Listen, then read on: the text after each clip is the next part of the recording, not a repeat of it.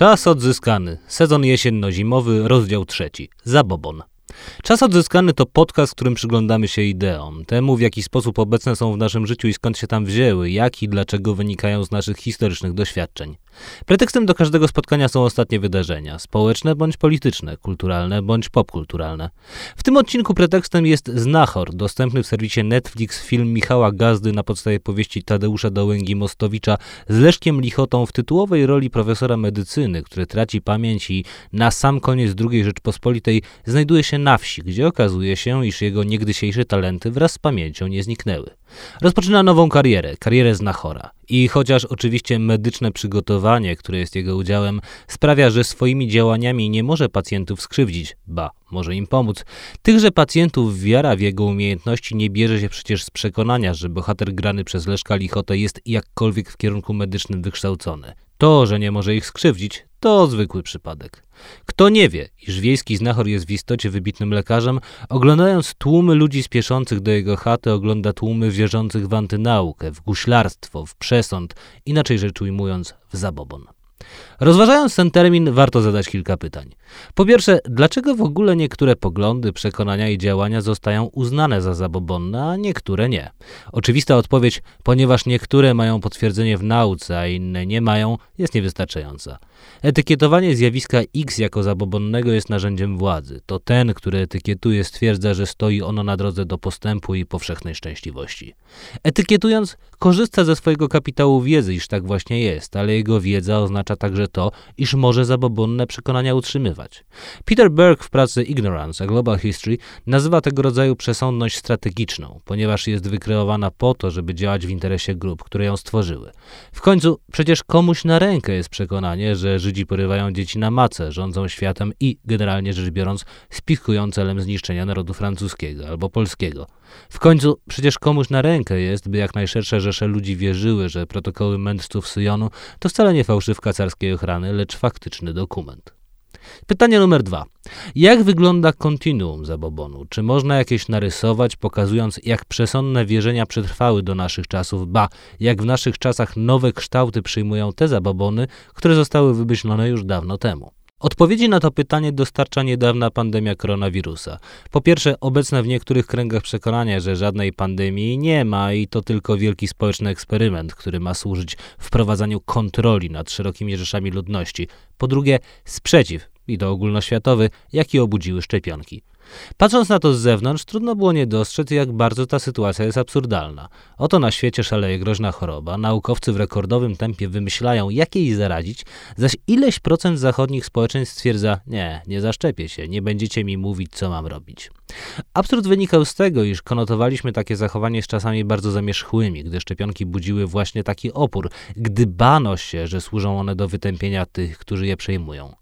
Dlaczego jednak uwierzono w to w XXI wieku, zwłaszcza po tym, jak przez kilkadziesiąt lat ogólnopaństwowe programy szczepień były czymś oczywistym? Jakie uważane za dawno martwe przekonania obudziły się w tych, którzy wypisywali w mediach społecznościowych długie traktaty o tym, że szczepionki zawierają chipy, zaś te ostatnie mają komuś, komu, nie wiadomo, posłużyć do sterowania tymi, którzy zostali nimi inokulowani? Jakie okoliczności do tego doprowadziły?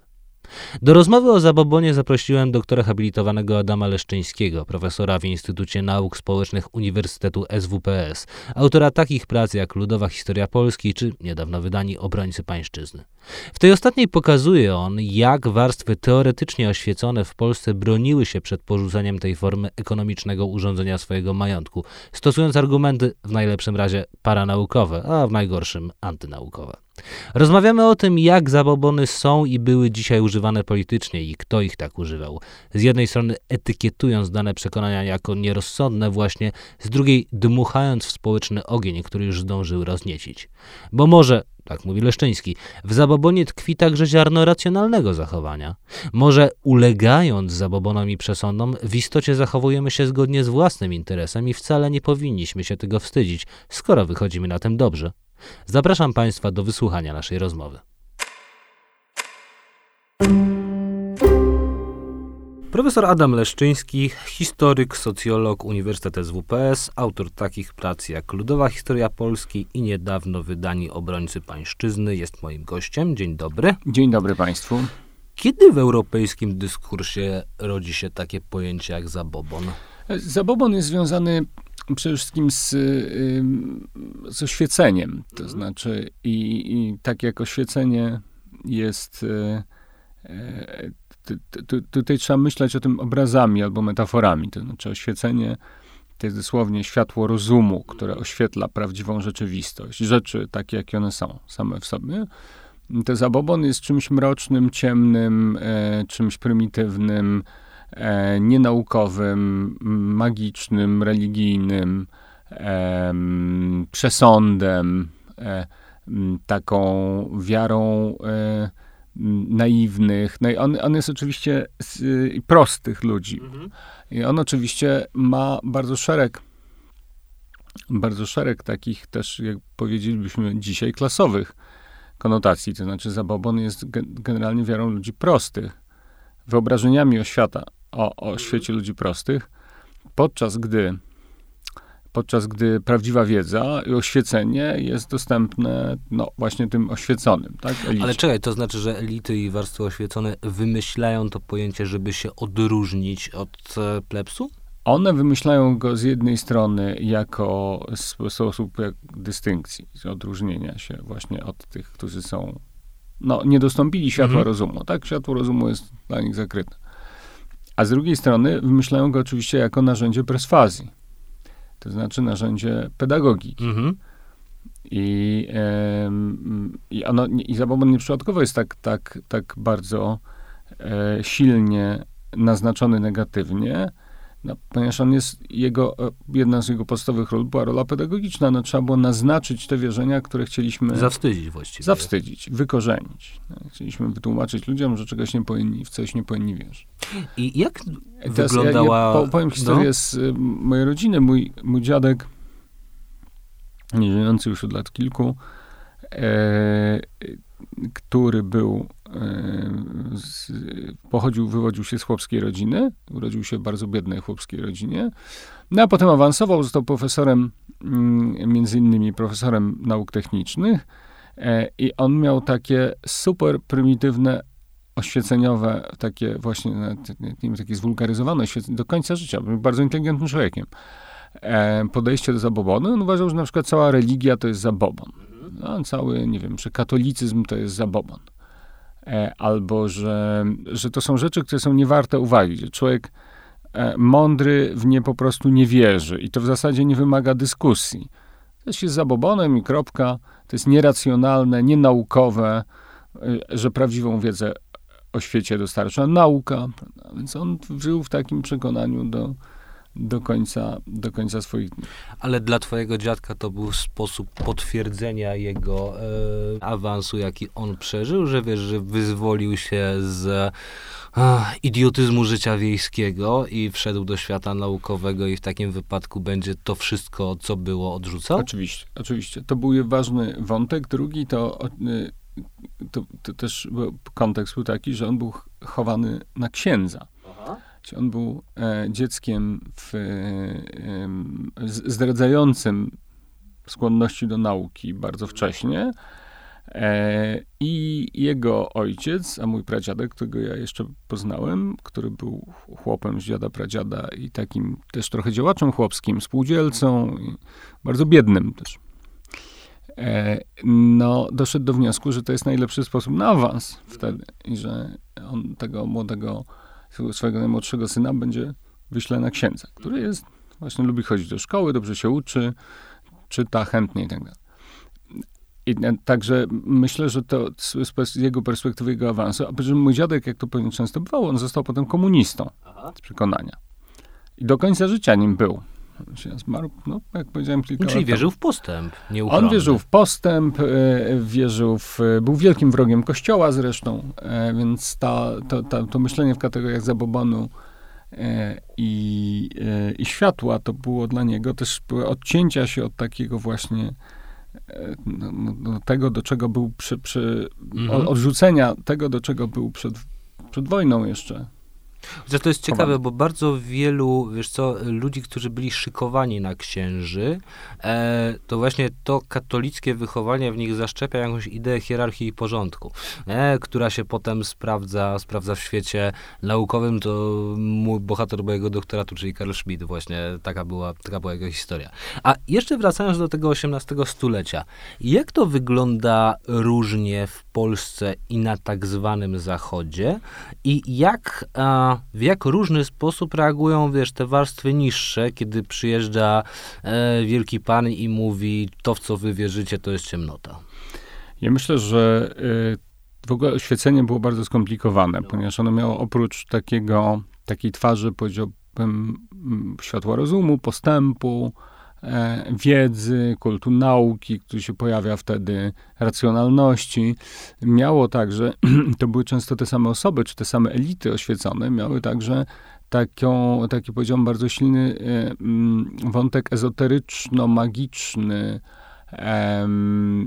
mówiąc o właśnie o tajemnicy, o sekrecie. Taki kult istoty najwyższej. Tak. Czyli tak, kult, tak. no, kultu rozumu, pewien, który pewien rodzaj, Boga Tak, ale także pewną sympatię dla okultyzmu, pewnie, chociaż to może troszkę później, ale, e, ale jakichś takich właśnie mm, rzeczy, powiedziałbym, nadprzyrodzonych. Na takiego... Więc ta ich, e, ta ich racjonalność była oczywiście racjonalnością z przypisem, taką dwuznaczną i złożoną. Natomiast co się tyczy e, tak zwanych ludzi prostych, to zapędy edukacyjne na szeroką skalę dotyczące oświaty ludowej, przynajmniej na ziemiach polskich, one się pojawiają później. Komisja Edukacji Narodowej to jest w ogóle późny, e, późny e, sam schyłek Rzeczpospolitej, sama końcówka. Ona powstała system szkolnictwa świecki, nowoczesny jak na tamte czasy. I jeżeli poczytamy opracowania dotyczące tego historii Komisji Edukacji Narodowej, no to dowiemy się z nich, że ona po pierwsze borykała się, co może wydać się ciekawe, z licznymi problemami, którymi się boryka dzisiaj system edukacji w Polsce. To znaczy płacono mało nauczycielom, nie było pieniędzy, były problemy z podręcznikami, były problemy z lokalami, ale także była bardzo silna konserwatywna opozycja wobec y, Komisji Edukacji Narodowej. To oskarżano o bezbożnictwo, o demoralizowanie dzieci, były próby organizowania równoległego prywatnego systemu edukacji. Czyli taki XVIII-wieczny Przemysław Czarny. E, troszeczkę, troszeczkę. To znaczy y, ci przeciwnicy. Tak? Tylko chodzi, chodzi, chodzi mi o to, że oni byli wpływowi. Więc jeżeli mamy taki spór dotyczący edukacji elitarnej, E, no to w ogóle o świecie ludowej, no, to, to jest dużo późniejszy, to jest dużo późniejszy mhm. okres. I w przypadku ziem polskich oświata na poziomie ludowym to jest przede wszystkim zabór pruski najwcześniej, mm, a potem dopiero na dobrą sprawę, no poza, na, na, na masową, na taką pełną skalę, to jest dopiero druga Rzeczpospolita. Wcześniej zarówno w zaborze austriackim, jak i w, czy w Galicji, jak i w y, zaborze rosyjskim, chyba najgorzej. Z tym, no to edukacja była świadomie zresztą przez zaborców e, utrzymywana na niskim, na niskim poziomie. Poczekaj, to, był zresztą, no. to, to, był zresztą powód, no więc a przede wszystkim ona miała mały zasięg, Aha. to znaczy mały zakres. Większość ludzi nie chodziła do tych szkół.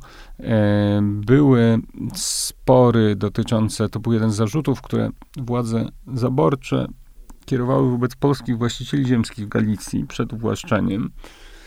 To był taki, że szlachta miała, obiecywała, że będzie prowadziła szkoły, ale ich nie prowadzi. I że trzyma, woli utrzymywać swoich chłopów w ciemnocie. No ale no to jest działanie zgodne z interesem ekonomicznym. Jest to działanie zgodne z interesem ekonomicznym i tam się zresztą toczyła dyskusja, najbardziej za, zażarci, za, żarliwi, powiedzmy zażarci, może słowo to jest dobre, konserwatyści uważali, że nie warto uczyć chłopów czytania i pisania, gdyż wówczas zrozumieją, po pierwsze mogą mm. przeczytać coś wywrotowego, a po drugie zrozumieją, w jakiej nędzy żyją. Okej, okay, ale możesz I to też oni podać... dosłownie o tym pisali. Jasne, ale... W sensie to, to był tak dosłownie formułowany argument. Jasne, ale możesz też przecież podać przykład Prus i systemu szkolnictwa, który mamy do dzisiaj, a który się właśnie, właśnie tam e, rodzi za Fryderyka Wielkiego, w którym on stwierdza, ok, ja użyję edukacji i walki z ciemnotą po to, żeby stworzyć sobie takiego obywatela, którego ja chcę. Ja go uformuję. On wejdzie jako ta glina do państwowego systemu szkolnictwa. Nie będzie tak, że rodzice mu powiedzą, w co ma wierzyć. Ja jako władca mu powiem, w co ma wierzyć. Co jest dobre, a co złe. Jakie ma wartości e, wyznawać, jakie są odpowiednie punkty odniesienia. No i wyjdzie mi obywatel, dzięki któremu mój kraj będzie za 20-30 lat w prosperity. Jasne, e, ale t, t, tutaj prosperity to jest tylko jeden z e, jeden z pewnie najważniejszy z punktu widzenia władzy e, motyw tego, żeby inwestować w edukację, ale potęga państwa. Mhm. Dla wieku XIX to było bardziej, myślano pewnie bardziej w tych kategoriach, a nie, nie wiem, PKB, którego nikt nie mierzył wówczas. My, to, my próbujemy mierzyć wstecz, prawda, to znaczy historycznie, e, ale wtedy nie, chociaż oczywiście zdarzano, zdawano sobie doskonale sprawę, są kraje bogatsze i biedniejsze, że ludzie w jednych krajach zarabiają lepiej, w innych gorzej, o takich rzeczach pisano, nawet i analizowano, ale myślenie w takich współczesnych kategoriach bogactwa było im jeszcze, jeszcze wówczas nie, nie, nie funkcjonowało. E, I no więc potęga państwa, posłuszeństwo władzy, szkoła miała wychowywać posłuszeństwie władzy. I na przykład, to odwołuje się do, e, do e, mojej ostatniej książki, czyli Obrońców Pańszczyzny, jest w niej cały rozdział poświęcony temu, jak nasi konserwatyści broniący pańszczyzny wyobrażali sobie rolę edukacji i oświaty dla chłopów. E, no więc oprócz tego, że oni, e, e, niektórzy uważali, że nie należy ich uczyć, ale to jednak był margines. W sensie, że na przykład amerykańscy właściciele niewolników, tam nawet były, zabraniali ich uczyć pisać i czytać, i tam nawet legislatury stanowe po prostu pod groźbą poważnych kar zabraniały kształcenia niewolników. Nawet w takim elementarnym zakresie. No to nasi konserwatyści tak daleko się nie posuwali.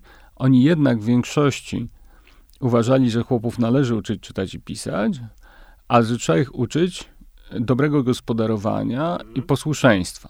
A więc ta oświata chłopska miała być nie oświatą bezprzymiotnikową, czy taką bez paragrafu, tylko stworzeniem bardziej wydajnego, bardziej posłusznego i lepiej przestrzegającego zasad pracownika. Przy czym e, oczywiście narzekano nieustająco na tych chłopów, że oni są leniwi, że kradną. No i ta edukacja miała ich nauczyć, prowadzona pod nadzorem plebana i, e, i właściciela ziemskiego ona ich, tych chłopów miała nauczyć tego, żeby oni byli, lep, lep, utrzymali lepszy porządek w gospodarstwie, bardziej dbali o swoje dzieci, które umierały z powodu braku opieki, jak często wówczas narzekano. Mm, y, no i y, oczywiście nauczyć, że nie należy kraść, że, że można lepiej pracować, że są lepsze techniki uprawy i tak dalej. Więc, ale równocześnie to miała być edukacja, która za, zamykała tych chłopów w ich stanie społecznym, w ich klasie społecznej. Oni, ona, i to też o tym pisano wprost, że nie należy budzić w nich złudnej nadziei w tych chłopach, że oni, ich położenie może się zmienić. Znaczy, że, żeby nie było za dużo Janków muzykantów. No, ale wiemy, czym się skończyła no tak. historia Janka muzykanta, prawda? To nie była historia awansu udanego. Ta, jest taki fragment w jednym z tekstów, który cytuję, w którym którego autor mówi, coś takiego, pisze coś takiego, że no, y, z tym nauczaniem, trzeba uczyć tych chłopów rzeczywiście czegoś tam, żeby oni się mniej kradli, prawda, i ale, ale że, yy, że nie należy z tym przesadzać, bo każdy chłop, jak się czegoś nauczy, to on już nie chce być chłopem. Ja to mówię z doświadczenia, on, ten, ten, właściciel pisze, ja to mówię z doświadczenia. Jak chłop się czegoś nauczy, to już nie chce być chłopem, tylko chce na przykład zostać teraz wiejskim pisarzem. Na ilu może być wiejskich pisarzy? No ktoś, musi, ktoś musi uprawiać, nie? Nie wiem, czy jeden na wieś, no, czy, nie, nie, trudno powiedzieć, no, ilu tam się mogło utrzymać, prawda, ale ilu może być urzędników dworskich? Mówi, że chłop, który się czegoś tam nauczy, liźnie trochę, no od razu chce zostać ekonomem, prawda, i przez ten, po co? Po co nam tylu, no? no także tutaj ta funkcja oświaty, zwróćmy uwagę, że ona miała zawsze charakter taki e, dwoisty, tak? Znaczy z jednej strony traktowano oświatę jako coś, co ma, jest jakimś obiektywnym, niezależnym dobrem, oświatę ludową zwłaszcza, a z drugiej strony traktowano ją jako coś niesłychanie utylitarnego. A więc e, e, czegoś, co przynosi korzyści nie tylko i nie tyle samym osobom kształconym, ale państwu, właścicielowi, fabrykantowi, jeżeli chodzi o światę robotniczą. A więc była cała, cała kolejka osób, które się ustawiały po te korzyści ze świata. Okej, okay, słuchaj, bo ty odnosisz się do swojej ostatniej książki, czyli, to, czyli do obrońców pańszczyzny. E, czy ty uznajesz pańszczyznę za zabobon ekonomiczny? Bo nie, ty ładnie nie, piszesz, e, poczekaj, bo ty ładnie piszesz w tej książce. Obrońcami pańszczyzny byli często ludzie mili, kulturalni, wykształceni, zasłużeni, nierzadko z długą historią walki o ojczyznę w biografiach, kochający mężowie, e, mężowie e, i synowie. No, patrioci. No.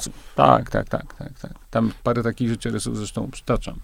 No właśnie, więc e, dlaczego oni byli zwolennikami takiego systemu? No i e, no oprócz tej najbardziej banalnej odpowiedzi, bo daje to pieniądze, daje to wygodne, wygodne życie. Dlaczego e, było wśród nich tak mało nie wiem, Tadeuszów Kościuszków, że tak wyrażę, którzy stwierdzają, no jednak nie. Wydaje mi się, że wszyscy mamy tendencję w jakimś z, z, zakresie do tego, żeby utożsamiać swój interes ekonomiczny z interesem ogólnym. I żeby go racjonalizować, to znaczy... Naprawdę? A nie? Nie. Mój interes ekonomiczny nie jest interesem ogólnym, absolutnie. No dobra, ale e, jednak w dyskusji publicznej często takie argumenty się przewijają. Czyli na przykład czytam dzisiaj w, e, w dzi, dzisiaj nawet, nawet dzisiaj pewnie mogę to przeczytać, że trzeba ulżyć przedsiębiorcom, ponieważ interes ekonomiczny przedsiębiorcy to jest Aha. interes ekonomiczny całego narodu, gdyż przedsiębiorca daje pracę, prawda? No. Podczas gdy w istocie rzeczy przedsiębiorca tworzy miejsca pracy dla własnej korzyści, mhm. a nie z pobudek filantropijnych. Znaczy nie, wiesz, w moim przypadku to jest tak, że na przykład mogę uważać, że e, interes ogólny jest taki, żeby państwo budowało tanie mieszkania na wynajem. Ja wiem, że to jest interes ogólny. Wiem, że to dla mnie jako człowieka, który wynajmuje mieszkania komuś, no to nie, nie jest to w moim interesie. Okej, okay, dobra, tylko że nie utożsamiam mojego interesu z interesem ogólnym. Ja wiem, że mój interes jest raczej tak, ale antypaństwowy, jest to, również, to, to jest oczywiście bardzo miłe, co mówisz, ale chciałbym jednak zwrócić uwagę, że że, że to jest bardzo bezpieczny pogląd, gdyż doskonale wiesz, że państwo tych mieszkań nie wybuduje, dając się przewidzieć przyszłości. Więc oczywiście możesz deklarować, że chciałbyś, żeby one były wbrew twojemu ekonomicznemu interesowi wybudowane, ale wiesz, że to się nie stanie. Prawda? Obaj wiemy, że to się nie mhm. wydarzy. Obaj wiemy tylko, że, e, że, w dającej się przewidzieć przyszłości mm, te mieszkania się nie pojawią mo, możemy po, po, pogadać o tej, o tej polityce, ale wydaje mi się, że zgodzisz się, że to jest mało prawdopodobne. No tak, no. no. I teraz, y, a, na, na, natomiast to jest i tak, y, powiedziałbym, nieźle, gdyż y, w, zazwyczaj jest tak, zazwyczaj jak sądzę, jak mi się wydaje, obserwuję to w wielu różnych kontekstach, ludzie utożsamiają swój interes ekonomiczny z interesem ogółu. To jest okay. bardzo wygodne. A więc na przykład e, I, I, to może być prawda czasami, w tym sensie, że to, to są rzeczy, które się racjonalnie dają bronić. No, e, mamy teraz dyskusję o wynagrodzeniach naukowców, mm -hmm. które spadły do poziomu relatywnie bardzo złego. bardzo złego, najniższego od lat pewnie 20. No i naukowcy, e, naukowczynie mówią i piszą, że, że, że to jest przyszłość Polski. Prawda? Mm, że trzeba im więcej zapłacić, gdyż wówczas i to jest pewnie na jakimś poziomie prawda. No, ale z drugiej strony można powiedzieć, że naukowcy zawsze w Polsce słabo zarabiali, a kraj się jakoś rozwijał w nie najgorszym tempie. Więc być może ten argument, on jest może prawdziwy w jakiejś bardzo długiej Aha. perspektywie. Nie wiem, 10, 20, 30-letniej. Ale nie ukrywajmy, że ktokolwiek myśli o długiej perspektywie, a nie perspektywie najbliższego miesiąca albo roku. Poczekaj, e, e, e, ale to, to była dygresja. No. W tym sensie, ja, ja, też uważam, że naukowcy powinni lepiej zarabiać, tylko mówię, że ten argument jest mm, odrobinę trefny, tak? To znaczy, mm. że on nie jest do, najłatwiejszy. Znaczy, on jest oczywiście intuicyjnie, jakoś go ludzie rozumieją, ale jeżeli się mu bliżej przyjrzymy, to on może nie jest taki oczywisty. I teraz, jeżeli chodzi o tych, o tych, tych właścicieli ziemskich, Otóż oni, te, tam w grę wchodziło kilka rzeczy. Po pierwsze, ugruntowane przekonanie, że oni są solą narodu. W sensie solą tej ziemi, oni są właściwym narodem polskim. Oni, to nie to, że oni są elitą narodu, tylko, bo, bo są elitą, ale oprócz tego, że są elitą, to oni są właściwie treścią tej polskości. Że nic lepszego, że to jest Polska, to co Polska ma najlepszego. To są oni. Więc to, jest, to był y, jeden pogląd. Drugi pogląd dotyczył wyobrażenia prawa własności. To znaczy, że oni uważali, mówię w pewnym uproszczeniu, bo tam były różne pewne różnice, ale powiedzmy jako, jako, jako tak, więc oni uważali, że ci ludzie, że, że, że, że ta ziemia, na której chłopi pracują, jest ich własnością. Była od dziada, pradziada, albo ją kupili, więc jak gdyby nie ma z tym dyskusji w ogóle. Dlaczego uwłaszczenie, czyli zwolnienie od pańszczyzny łączyło się z uwłaszczeniem? I to uwłaszczenie to oznaczało, że chłop dostanie na własną ziemię, którą do tej pory tylko miał w użytkowanie. I ta ziemia była własnością dziedzica. No więc z punktu widzenia dziedzica była to kradzież, był to rabunek. I oni pisali wprost, no jak to, zabieram ci, państwo nam zabiera ziemię, dają chłopom, no to jest jakiś absolutny skandal, prawda? Więc e, kradzież, e, konfiskata turecka, o, to jest e, takie jedno z moich... No. To była druga rzecz. Najwreszcie trzecia, no to były różne argumenty ekonomiczne. Znaczy oni uważali, to było bardzo zbudowane, że, że właściwie w Polsce tylko taki system gospodarowania, że w Polsce nie ma nic poza rolnictwem, co dość długo było prawdą, albo prawie prawdą. E, i, na, a, a, i, i że, że, tego rolnictwa się nie da na naszych ziemiach inaczej prowadzić na sposób pańszczyźniany. Że u nich tam na zachodzie, gdzieś we Francji, w Niemczech, to, to się da inaczej.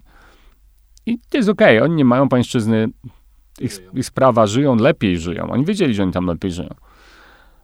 Więc, y, ale, ale u nas, u nas to się nie da. U nas to musi być pańszczyzna, bo nasz chłop nie chce robić, y, bo jest mało ludzi, a duża, duży teren, bo jakbyśmy znieśli pańszczyznę, to gdyby się wszystko rozsypało. I były takie apokaliptyczne wizje prawda, w tych tekstach, właśnie, że takie, e, takich pustkowi, e, po których się jakieś takie wychudzone szkielety snują, prawda? To, to jest taka wizja kraju po zniesieniu pańszczyzny, że to, to nastąpi apokalipsa po prostu. I oni takie długie, rozbudowane obrazy wytwarzali tych, tych, tych wszystkich katastrof, które spadną na, na, na Polskę, kiedy im się tym właścicielom zabierze, zabierze ziemię i pieniądze, no bo to się de facto do tego sprowadzało. Także, mm, także mamy tutaj różne elementy. No i efekt netto był taki, że oni przy tłaczającej większości uważali, że albo nic nie należy robić, albo należy jeszcze poczekać z robieniem czegokolwiek, znaczy, znieśmy ją, tą pańszczyznę, ale mhm. kiedyś tam, w przyszłości, jak naród dojrzeje, naród nie dojrzał jeszcze. Mhm. Będzie Ale też nie robili niczego, żeby ten naród dojrzał. Wiesz, chodzi mi o to do edukację. Nie robili. Jest, jest taka fajna tak. książka mm, Petera Berka e, pod, tytułem, pod tytułem Ignorance, której, historia ignorancji e, na zachodzie, w której on to nazywa, zjawisko to nazywa strategic, strategic ignorance, czyli utrzymywaniem ludzi w głupocie, ponieważ jest to, jest ta głupota nam na rękę nie? Ponieważ ta głupota jest nam na rękę też w interesie ekonomicznym, ale też w jeszcze innym. I to jest kolejne pytanie, w jaki sposób to przekonanie o zabobonnym ludzie pozwalało polskim elitom nie czuć się Polakami. Wiesz, że z jednej strony są oni, a z drugiej, jak to nazwał Czesław Miłosz, mury polskie ciemnogrodu. I w XVIII, XIX i Polakami, wieku. tylko oni się czuli lepszymi Polakami. No, ale na czym ta lepszość polegała? No na tym właśnie, że są na, oświeceni. Na genetyce, czy na tym, co sobie wypracowali? Ach, chcę, genetyka była wcześniej, myślę, mm, że ona, y, taki pogląd o genetycznej wyższości mhm. polskiej elity, to on się y, gdzieś powiedzmy w połowie XIX wieku pewnie ewaporował i on już jednak przeszedł do, do takiej, do archiwum bardziej. Mhm. No, czy jako pogląd naukowy, bo to był po, wcześniej pogląd naukowy, czy jako mm, taki pogląd publicystyczny. E, ale jako, więc e, i, no i teraz, gdzie, skoro nie ma już tej różnicy genetycznej, no to jaka jest dystynkcja, tak? Czyli jaką, jaka jest różnica pomiędzy tymi e, lepszymi i gorszymi? No to jest różnica oświecenia. Ale nie tylko różnica oświecenia, ale także różnica odpowiedzialności, no bo w ślad jak wiemy, za większą władzą idzie większa... Dziękujemy wujku Benie. Prawda, prawda. Dziękujemy. E, I e, więc, te, te, więc my tu dźwigamy ciężar, prawda? To znaczy te, ta, ta perspektywa, mm, to było widać u tych właścicieli ziemskich, na przykład oni, oni pisali właśnie, na przykład w jednym z, e, Józef Gołuchowski, taki filozof, romantyk, bardzo ciekawa postać. Autor y, dwóch takich potężnych tekst, książek o, o pańszczyźnie, między innymi o chłopstwie. Ultrakonserwatysta. Szalone są to, absolutnie szalone teksty tego książki. To są takie, e, e, to, to jest taki, powiedziałbym, e, taki prawicowy strumień świadomości, tylko 700-stronicowy powiedzmy, nie? Takie, ta, ta, ta grubsza to jest chyba 700 stron. Musiałbym sprawdzić dokładnie. Są takie, jedna to jest ta, ta, ta, taka, taka kobyła. No i Gołchowski pisze w pewnym momencie, no, że właściciel jest kariatydą gospodarstwa Aha. krajowego. Że podpiera na jego, podpiera, tak, barkach. na jego barkach wspiera się wszystko. Jest tam taki moment, e, e, w, w którym on używa właśnie taki, taka, znowu ciągnący się, bo to się ciągnie stronicami, te, te różne jego fantazje, że, że, że, że opisuje metempsychozę, czy wędrówkę duszy gospodarza, przy czym gospodarz to nie jest chłop, tylko to jest właściciel. Właściciel. Jeżeli się używa słowa rolnik, to rolnikiem nie jest chłop, tylko rolnikiem jest właściciel. Okay. E, I więc, ta, ta, więc jest metempsychoza, czyli wędrówka duszy właściciela, który tak czuwa nad swoim gospodarstwem, że się, jego dusza się wciela tam w każdą kolejną krowę. Fantastycznie. E, i, e, I on tak współodczuwa z tym całym swoim gospodarstwem zjednoczonym. No dobra, ale to jest jakaś dziwaczna, zabobonna mitologia właśnie, która ma utrzymywać ten system ekonomiczny. To Ta, nie ma ale równocześnie, ale równocześnie, no czekaj, czekaj, czekaj, ale ten system działał. No. On działał dla nich. Z ich punktu widzenia on działał. Więc to nie jest tak, że to tobie się wydaje, no. że on nie miał racji bytu. Ale w momencie, gdyby się znalazł w tamtych czasach e, i, e, i powiedział, OK, to teraz wywracamy całą strukturę mm. gospodarstwa, gospodarki polskiej, całą, wywracamy do góry nogami, no to jest trochę skok na głęboką wodę. Okej. Okay. To jest trochę tak, jakbyś, no nie wiem, na przykład dzisiaj powiedział, że likwidujemy wszystkie wszystkie spółki jednym aktem prawnym, likwidujemy wszystkie spółki z ograniczoną odpowiedzialnością i zamieniamy wszystkie zakłady pracy na spółdzielnie. Aha. Więc to, e, e, no to, to z tego rzędu, tak, no tak. rewolucja, Aha. więc dla nich to było coś takiego. No i e, oni siedzieli, mówili, no dobra, ale co to będzie? Tak? Co to z nami będzie? Jak już to, i to jeszcze to, nie, nie my to mamy zrobić, tylko władza ma to zrobić. A słuchaj, a powiedz mi, a, a, w jaki sposób, bo powiedziałeś, że ten genetyczny, genetyczne poczucie lepszości zniknęło, a w jaki sposób polski zabobon się kształtował w XVIII, XIX, XX wieku względem innych grup etnicznych?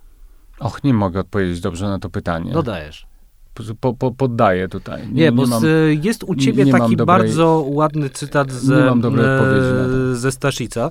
I wiesz tak, Staszic zaczyna od krótkiego stwierdzenia. Do przyczyny wielkich nieszczęść narodu Ach, polskiego masz należą na myśli Żydzi. Żydów. Masz na myśli Żydów? No. Okej, okay, bo, bo, pomyślałem o Ukraińcach i, i, i, o Niemcach na przykład. Na to pytanie pewnie nie mógłbym dobrze odpowiedzieć. E, ale e, oczywiście, jeśli chodzi o Żydów, no to e, ja byłem zaskoczony, kiedy pisałem tą książkę, E, ilością antysemityzmu w tekstach wczesno-XIX-wiecznych. To znaczy, byłem e, wychowany w przekonaniu, e, wykształcony w przekonaniu, że nowoczesny antysemityzm to jest że, takim, w, takim obrazie, że kiedyś, że wcześniejszy antysemityzm przednowoczesny miał charakter przede wszystkim religijny, mm. ludowy, a późniejszy antysemityzm, który się pojawia powiedzmy od lat, nie wiem, 70., 80. XIX wieku, to jest mhm. już nowoczesny antysemityzm, prawda? na bazie ekonomicznej. Na bazie, no, być może ekonomicznej, ale także później rasowej, mm -hmm. no takiej wyobrażenia o nacjonalizmie, grupie narodowej, spójnej grupie narodowej i tak dalej, prawda? Rywalizacji grup narodowych. Natomiast to, to, co jedna z rzeczy, która mnie wtedy zaskoczyła, no to ilość tekstów e, i e, antysemityzmu w tych tekstach pisanych przez elity szlacheckie mhm. w pierwszej połowie XIX wieku. I tutaj Żydzi od, odgrywali bardzo wygodną rolę dla, e, tylko że to nie, znowu nie był zabobon, tylko to była racjonalizacja, to znaczy inteligentna zresztą. Ale co, przekonanie o porywaniu dzieci na macy nie jest dla ciebie zabobonem? No, no nie, ale tego oni nie pisali. Aha. Tego nie pisali. Tego ci, ci ta elita nie pisała. E, oni pisali, że Żydzi są szkodliwi dlatego, że wyzyskują chłopów. A więc jeżeli chłop żyje w nędzy, to nie dlatego, że musi robić pańszczyznę i oddawać tam, płacić podatki, jeszcze różne inne rzeczy, tylko dlatego, że Żyd mu zabiera. E, I to, co było interesujące, Żyd jako karczmarz, No. albo jako lichwiarz, ale częściej jako karczmarz. To jest ta figura złego karczmarza, pojawia się w bardzo wielu tekstach, który rozpija. E, ale z, z faktu, że te pieniądze trafiają potem do właściciela, tylko poprzez Żyda jako po, po, pośrednika, to o tym już pisali nieliczni. Więc, e,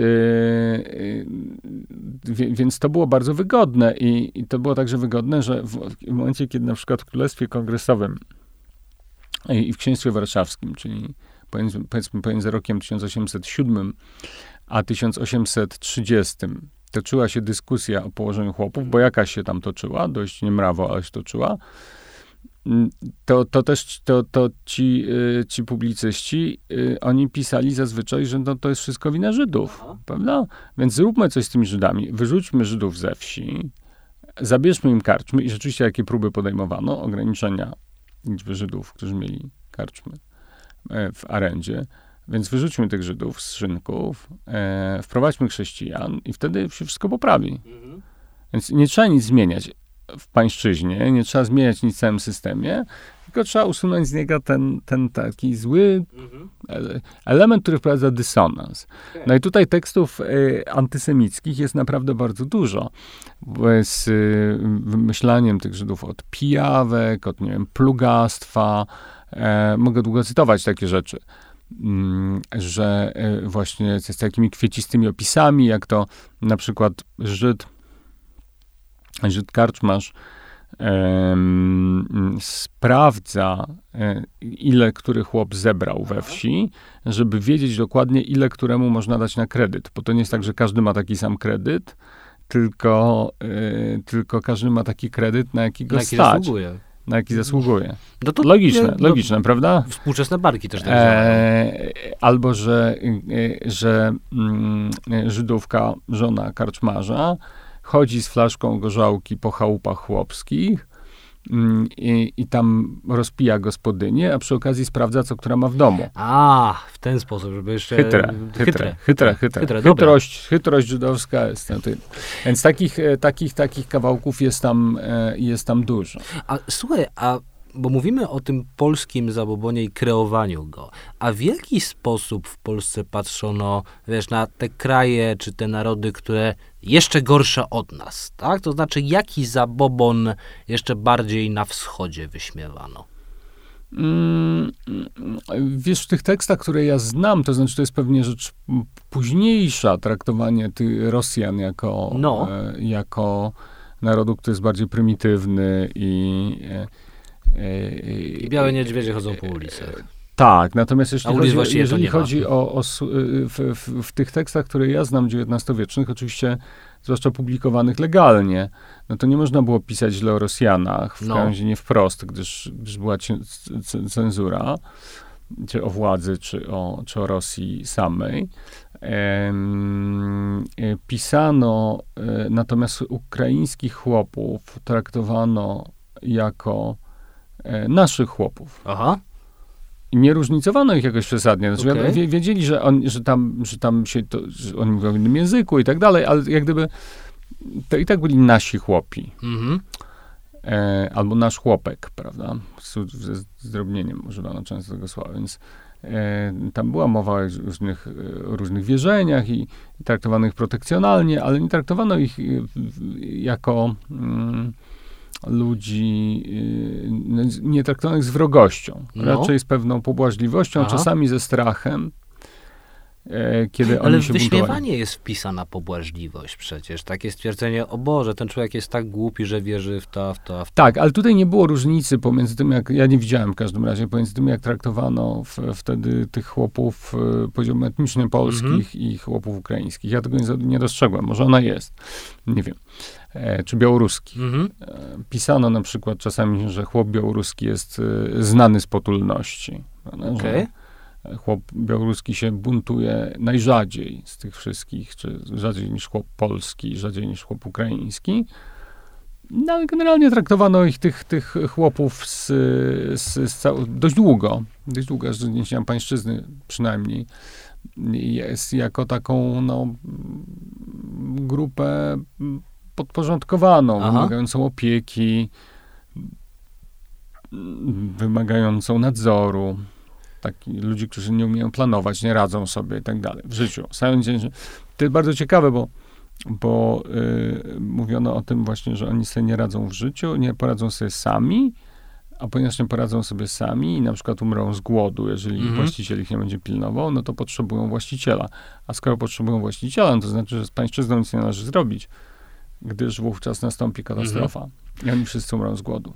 A powiedz mi jeszcze jedną rzecz. Dlaczego w ogóle zabobon się utrzymuje, mimo takich... e, Bo w filmie, od którego się odbijamy, czyli w Znachorze, jest taka ładna scena, a w której e, główny bohater, profesor Wilczur, wpierw e, przyjmuje chłopca z bardzo ubogiej rodziny do szpitala, następnego dnia do tego szpitala przychodzi, okazuje się, że rodzice zabrali tego chłopca, idzie do oczywiście jakiejś nędznej izdebki na Powiślu, no i okazuje się, że tam jest już znachorka, która go nad, nad nim jakieś modły e, odprawia. Dlaczego, i nie mówię tylko o Polsce, dlaczego zabobon się może utrzymywać a, w społeczeństwie? Czy to jest związane z nieufnością do władzy, z jakimś brakiem kapitału społecznego, czy z czym? No, tu, tu, tu mogę odpowiedzieć tylko posługując się, e, posługując się taką analogią, ja, ja, jak mo, może wiesz, e, pisałem kiedyś dużo e, o Afryce. polityce No. roz, rozwojowej głównie, tak zwanej. Pisałem reportaże o różnych afrykańskich problemach społecznych. Pisałem kiedyś mm, taki reportaż o malarii kilkanaście lat temu, która zabija głównie małe dzieci No. e, w e, Afryce poniżej 5 roku życia. E, I mm, byłem w Ugandzie wówczas, w takiej wiosce, w której, e, no to oczywiście jak wszędzie, tam, tam jest malaria endemiczna, wiele małych dzieci chorowało i, i to jest, e, jest w, tej postawie dużo racjonalności, to znaczy po, na czym ta racjonalność polega? To, to jest okrutne, ale spróbujmy się trochę skupić. Pisałem taki reportaż o głodzie, o tym, co zaraz możemy porozmawiać. To jest trochę podobne. Mianowicie, wyobraź sobie, że jesteś, e, to wiem, że tego nie sposób sobie wyobrazić, ale spróbujmy, e, że jesteś takim właśnie afrykańskim chłopem, masz małe poletko i powiedzmy, nie wiem, 10 dolarów oszczędności, nie? I liczną rodzinę, nie wiem, czworo dzieci, pięcioro dzieci, siedmioro dzieci. Mieszkacie wszyscy w chatce. No, no. No tam uprawiasz te swoje banany, czy nie wiem, jakiś maniok, czy coś, no, jakąś taką. I teraz jedna z twoich dzieci choruje na malarię. Tak. No i możesz je wziąć do szpitala, który jest 30 kilometrów dalej. A jest, szpital jest prowadzony przez białych, czy... Nie, szpital jest miejscowy, Okej. ale jest publiczny. W tym Dobra. sensie sam szpital, no okej, coś cię tam kosztuje, ale, główny twój koszt to jest koszt dojazdu i pobytu w tym szpitalu. Mhm. Twojego, w sensie no tego dziecka też, nie? Więc bierzesz dziecko pod pachę, jedziesz do tego szpitala, musisz coś jeść, musisz kupić lekarstwa i tak dalej. No i zużywasz te swoje 10 dolarów. Już ten nie sposób. mam Już żadnych nie masz żadnych no. oszczędności. I, I wiesz o tym, wiesz, że to dziecko i tak może za trzy tygodnie z powrotem zachorować po raz Aha. kolejny. Albo któreś kolejne twoje dziecko zachoruje, gdyż te dzieci cały czas chorują na malarię. No i teraz jest pytanie, czy wydasz te oszczędności, czy nie wydasz? O Boże. E, stawiasz mnie w potwornie trudnej sytuacji Ale to momencie. jest sytuacja, w której ci ludzie są. Tak, wiesz. wiem. E, słuchaj, e, jak rozumiem, jeszcze jesteśmy w kulturze trochę innego traktowania dzieci niż my, zasobna klasa Nie, średnia nawet nie, nie zakładałbym, że ona się jakoś drastycznie różni, bo to nie jest tak, że ludzie nie cierpią. E, oczywiście, że cierpią, kiedy ich dzieci chorują. Tylko mówię o tym, że to jest bardzo trudna decyzja, no, bo na przykład potem będziesz miał kłopot, jeżeli nie udadzą ci się zbiory, Mhm. z wyżywieniem całej rodziny. Tak, i wtedy już piątka tych Wtedy wszyscy umrze. nie, no nie, nie, nie, my- że umrze. Tak. Przesady, no może nie umrze, ale będzie ciężko. Będzie Aha. ciężko. Słuchaj, nie I mam tak pojęcia, ciężko, co bym w będzie- takiej sytuacji zrobił. Okej. E, Ja też nie wiem, co bym zrobił w takiej sytuacji, no ale efekt jest często taki, że tych dzieci się nie leczy de facto, tylko się, czek- tylko się czeka, aż one albo umrą, albo wyzdrowieją same. Aha, I one w większości wypadków zdrowieją same, okej, ale nie zawsze. Nie rozumiem. Dobra. Czasami umierają. E, I teraz, e, e, no więc to jest racjonalność. No dobra, ale załóżmy, że nie chcesz jechać do szpitala, bo to jest za drogie. Nawet jeżeli sam szpital jest darmowy, nie musisz na niego płacić. Mhm. Ale sam, sam transport i w ogóle cała ta operacja jest za droga dla ciebie. Nie stać cię na nią. Dostępność tak jest niska. E, No to e, e, kto jest dostępny? No jakiś miejscowy znachor właśnie. Tak. I tak musisz mu zapłacić, ale nie wydasz 10 dolarów, tylko powiedzmy dolara. Mhm. No, to już jest. A coś zrobisz, nie? A, że jakieś poczucie sprawczości będę miał. Jakieś nie będę miał tego strasznego przekonania, że pozostałem obojętny ze względów finansowych. Okej, Więc to jest, to jest moja oczywiście interpretacja tej sytuacji. rozumiem. Ja nie mam pojęcia, co ci ludzie mają w głowach. W sensie, nie wiem, można ich zapytać, ale to nie jest tak, że e, oni ci e, wszystko powiedzą. Mhm. nie? Więc y, tylko te, chodzi mi o to, że te wybory, y, że, że to co, i teraz jaki jest morał dla mnie z tego, No. że to co jest, za, z, z, nazywasz zabobonem, to jest często y, racjonalne rozwiązanie z, z perspektywy osób, które mają bardzo ograniczone zasoby. I, e, e, i, i nie mają poczucia sprawczości. Okej. Znaczy, to jest argument, który jak, najbardziej, który jak najbardziej kupuję.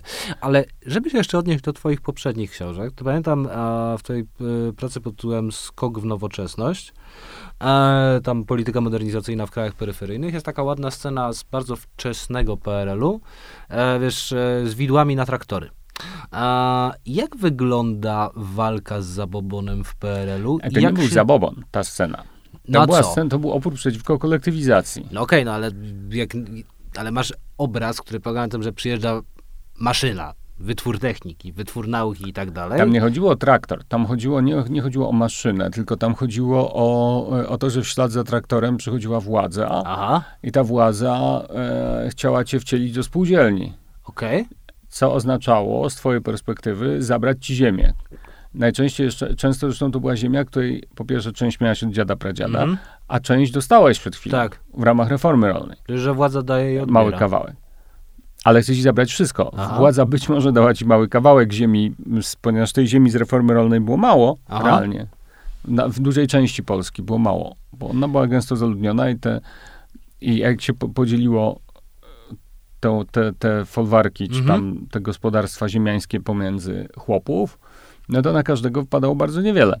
Okej, dobra, ale perlowska Więc walka... z- zabrać, Dobra, nie? ale perlowska walka z zabobonem i wiesz, no bo to też jest jakiś element tego, co Leder nazwał przesioną rewolucją, tak? To znaczy, że właśnie dla większych rzesz ludności możliwa jest e, opieka zdrowotna, która jest prowadzona w, w, w, w, w, w placówkach, które się posługują nauką, a nie, a nie wiarą, tak? To znaczy, że e, z braku lepszego słowa skok cywilizacyjny, który, który się wtedy No wydarzył. dobra. Mm, i- znowu chciałbym, żebyśmy po, po, spojrzeli na to z troszeczkę innej perspektywy. To znaczy, e, z, z perspektywy naszej, czy inteligentów z wielkiego miasta, jest wiedza naukowa i jest zabobon, nie? No.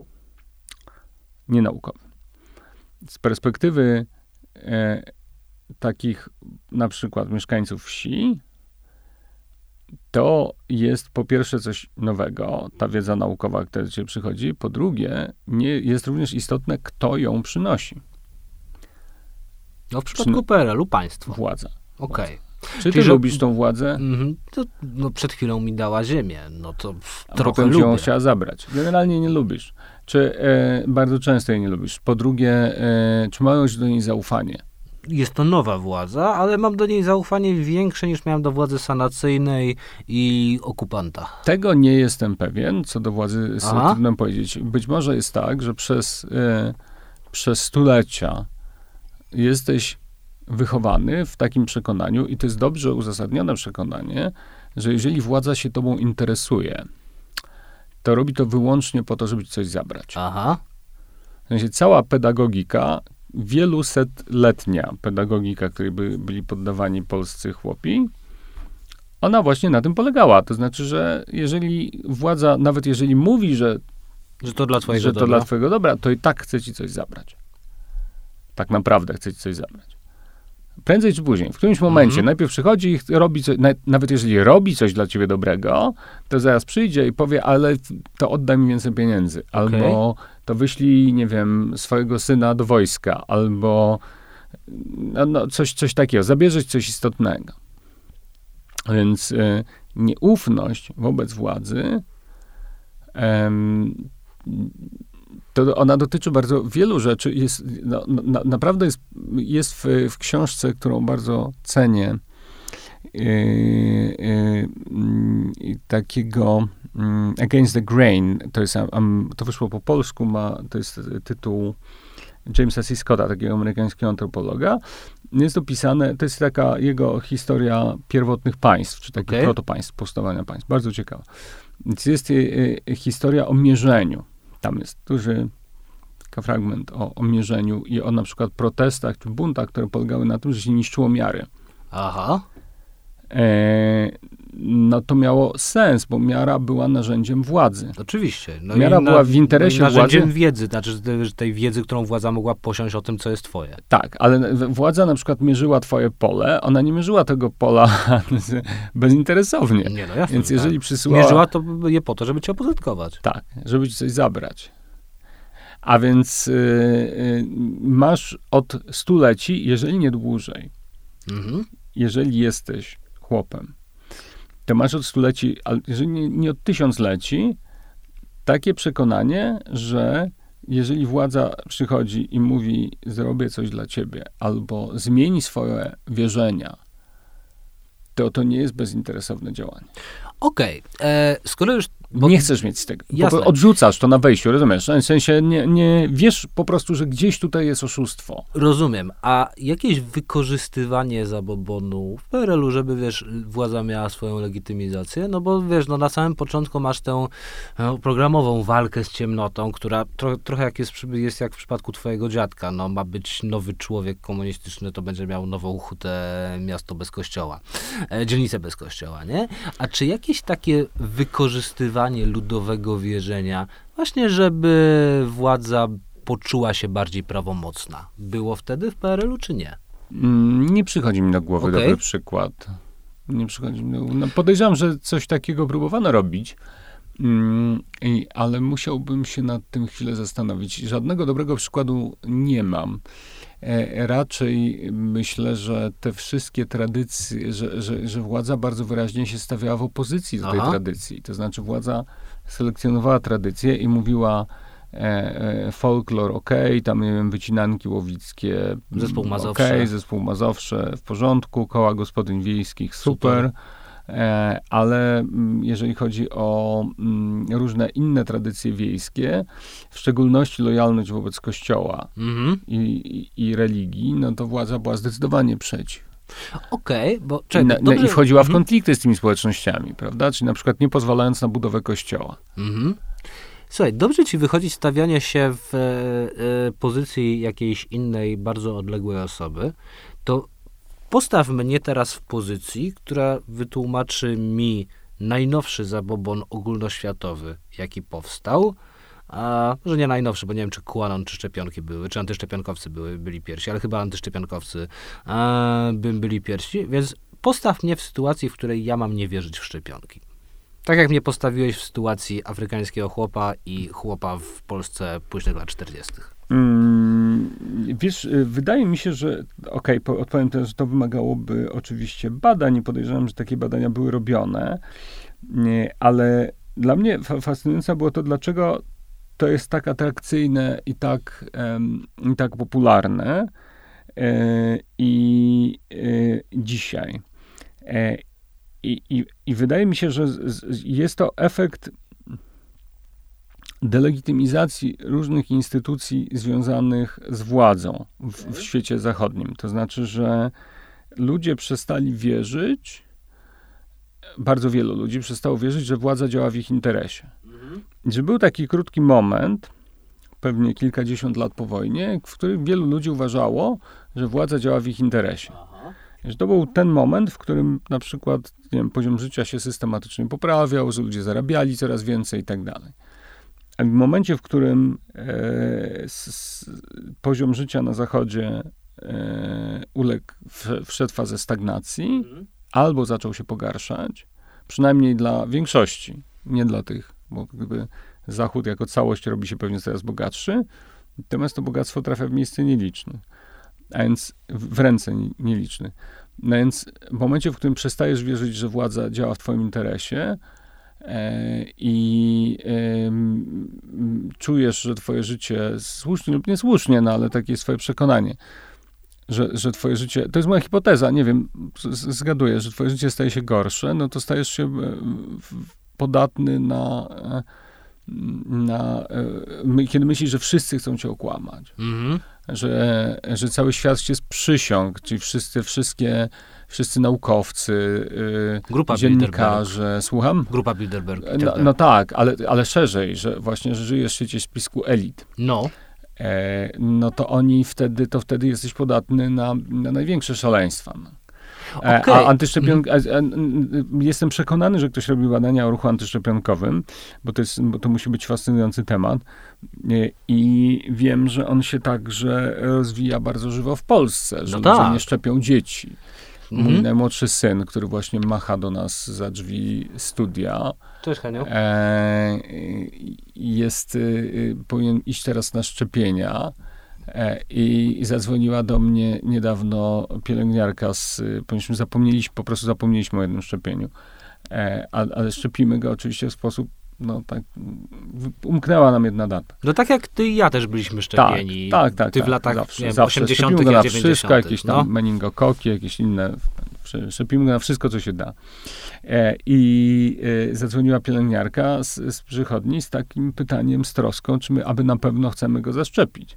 Więc to jest ja powiedziałem potem, że to jest absolutnie notoryczne, że ludzie Aha. nie przychodzą z dziećmi na szczepienia, albo że się umawiają i nie przychodzą e, albo że po prostu wprost mówią, że oni tego Aha. nie zrobią mm, nie, dzi dzisiaj w Polsce. Więc wydaje mi się, że to jest taki rodzaj zerwania jakiegoś paktu zaufania pomiędzy elitami i e, technokratami i, e, i, e, i, i, z tak zwanym zwykłym człowiekiem. Okej, okay. a dlaczego właśnie szczepionki są e, takim, bo wiesz, bo antyszczepionkowość to nie jest coś nowego, bo to już w momencie, w którym w ogóle idea szczepionki się pojawia, a masz olbrzymi sprzeciw wobec takiego pomysłu, żeby umieszczać, żeby, żeby, żeby pozwalać swoje ciało e, nakłuwać. I takim pierwszym, znaczy jednym z moich ulubionych antyszczepionkowców pierwszych jest Immanuel Kant, e, który e, co prawda protestuje przeciwko nim z powodów czysto moralnych, ponieważ e, żeby, wiesz, dobrać właściwą dawkę szczepionki, to tam pierwsi lekarze eksperymentowali na tak zwanych podłych ciałach. Mhm. Taka fajna praca właśnie pod tym tytułem takiego francuskiego eseisty Grigora Chamayu.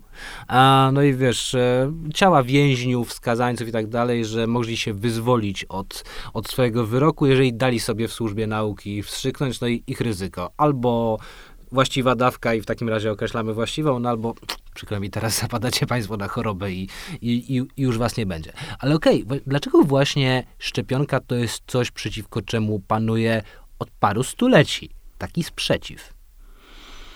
Wiesz, mogę tylko zgadywać. Czy to jest, to jest ta fizyczność, że ktoś ci coś musi wkłuć? fizyczne, nie wiesz, co ci wstrzykują tak naprawdę. że mechanizm działania jest niezrozumiały dla wielu ludzi w szczególności tych nowych szczepionek mhm. pewnie, to mogę, mogę tylko tutaj zgadywać. Ale w, w, szerszym, w szerszym wymiarze wydaje mi się, że to jest kwestia braku zaufania. Aha. Że jest tutaj gdzieś rodzaj brak zaufania do ludzi, którzy mówią ci, jak powinieneś żyć, co powinieneś robić ze swoim ciałem e, i, e, i cały czas ci namawiają właśnie, nie wiem, nie jeździ samochodem, bo to niszczy planetę, albo... No kolejna rzecz to jest ten sprzeciw wobec tych 15 e, minute cities. Tak, tak, tak, tak. Tak, tak A... że, to, że to są wszystko ludzie, którzy chcą wpłynąć w swoim, w twoim interesie, bo, bo, bo zwróć na, na, na, twój styl życia, prawda, który jest no. przywiązany, bo zwróć uwagę, że jeżeli chodzi o, o sprzeciw po, przy, e, wobec tych e, miast 15-minutowych i różnych ograniczeń dotyczących ruchu samochodowego, to on ma też bardzo wyraźny wydźwięk klasowy, to znaczy tam jest taki, zawsze się pojawia wątek, że tych, te elity to będzie stać na elektryczne samochody, oni sobie będą jeździli tak jak poprzednio, mhm. a mnie, człowieka, który teraz jeździ dieslem dwudziestoletnim, yy, nie będzie stać. Ale jeszcze jedna rzecz, bo ty mówisz o e, tym, że te elity chcą wpływać i tak dalej, i tak dalej, i o tym przekonaniu. A powiedz mi, na ile to jest też trochę wina elit, że ich ta misja, jak to nazywał Józef Hałasiński, cywilizowania ciemnogrodu, no kompletnie się nie powiodła, że ten paternalizm, z jakim one mówiły, i mówię tutaj o konkretnym przypadku trzeciej RP i twojego niegdysiejszego pracodawcy i jego wpływu na dyskurs publiczny, no to no trochę nie wyszło i nic dziwnego, że ten lud się zbuntował, bo trochę mu to a te wszystkie zachodnie, progresywne wzorce podawano za szybko, właśnie za bardzo paternalistycznie. Ja, ja przede wszystkim się nie zgodził, że, bo, że mówisz o, o, o Gazecie Wyborczej, w której pracowałem 23 lata no. z przerwami w, różnych, w różnym charakterze no to, że gazeta była taka super progresywna. Ja w ogóle, ja tego w ogóle tak... No pomijając ja, dołączanie encykliki na Pawła II do, nie, przy każdej no, pielgrzymce, no to proszę Już nie mówię o płytach z papieżem, prawda, czy tam, nie wiem, jakichś innych gadżetach z papieżem, tego była cała masa w swoim czasie. E, ale mówię, no nie, nie, nie, nie, możemy się, nie musimy się kłócić o gazetę, to jest tylko, chodzi o, bo rozumiem, że to chodzi o symbol. No. Nie, raczej wydaje mi się, że to jest oczywiście cywili, misja cywilizacyjna jest zawsze misją władzy. No. To na tym polega problem, no. To znaczy na tym po, polega problem, że misja cywilizacyjna jest misją bardzo często misją kolonizacyjną. No. Tak?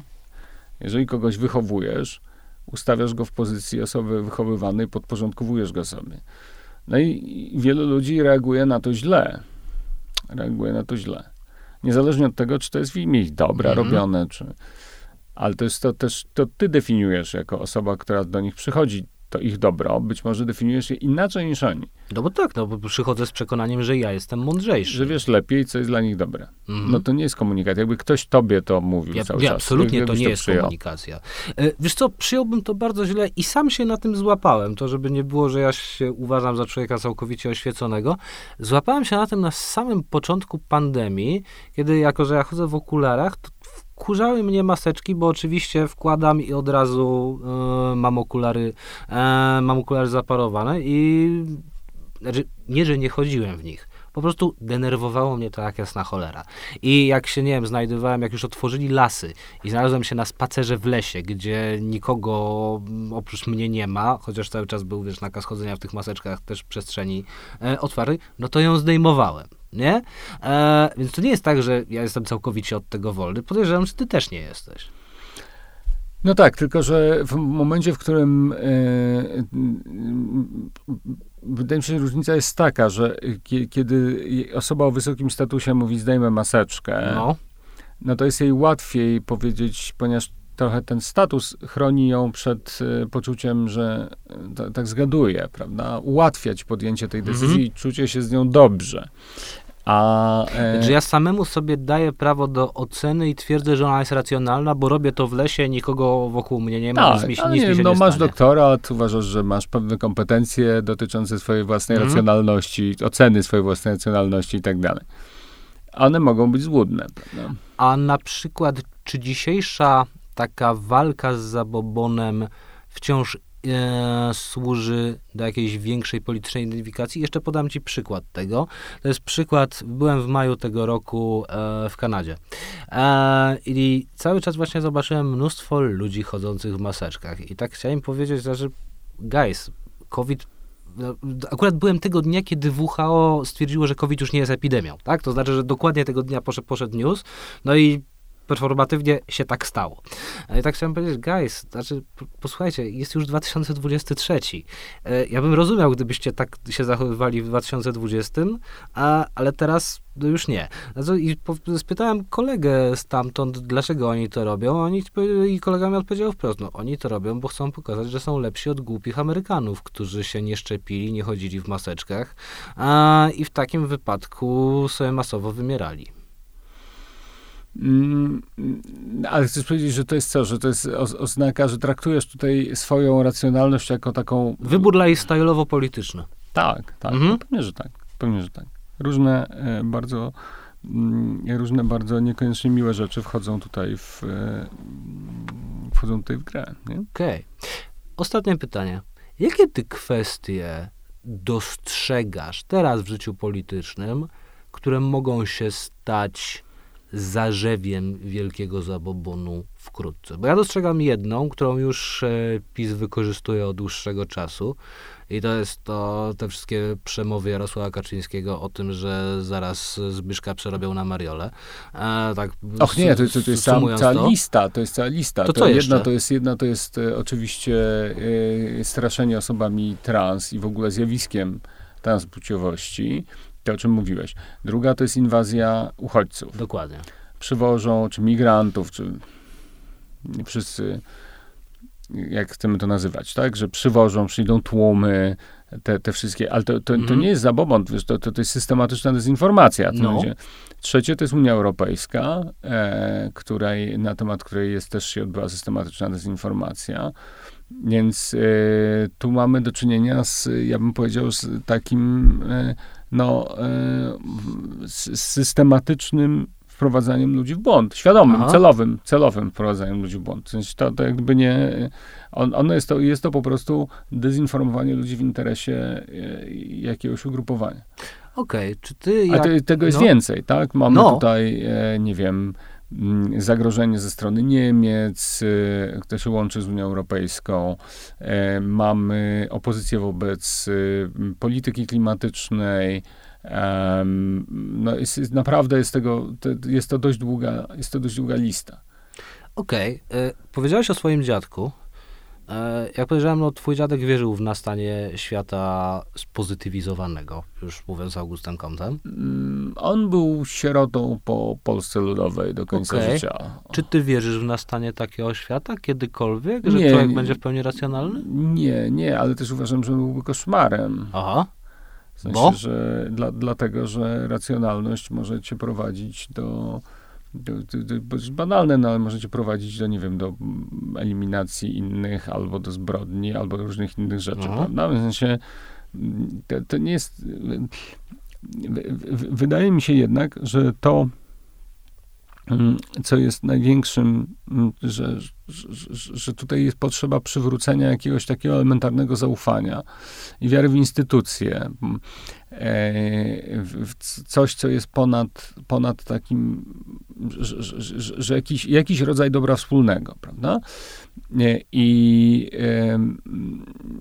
i, i, i że to bym chciał wierzyć, że to nastąpi, gdyż były okresy historyczne, w których był jakiś konsensus elementarny i być może one wrócą. W jakiejś innej postaci, ale, ale wrócą. Ale, i, ale, ale, ale w taki świat wyprany w całości z e, irracjonalności oparty czy, na czystej wiedzy naukowej wydaje mi się e, czymś kompletnie niestrawnym. Nie chciałbym w nim żyć. okej.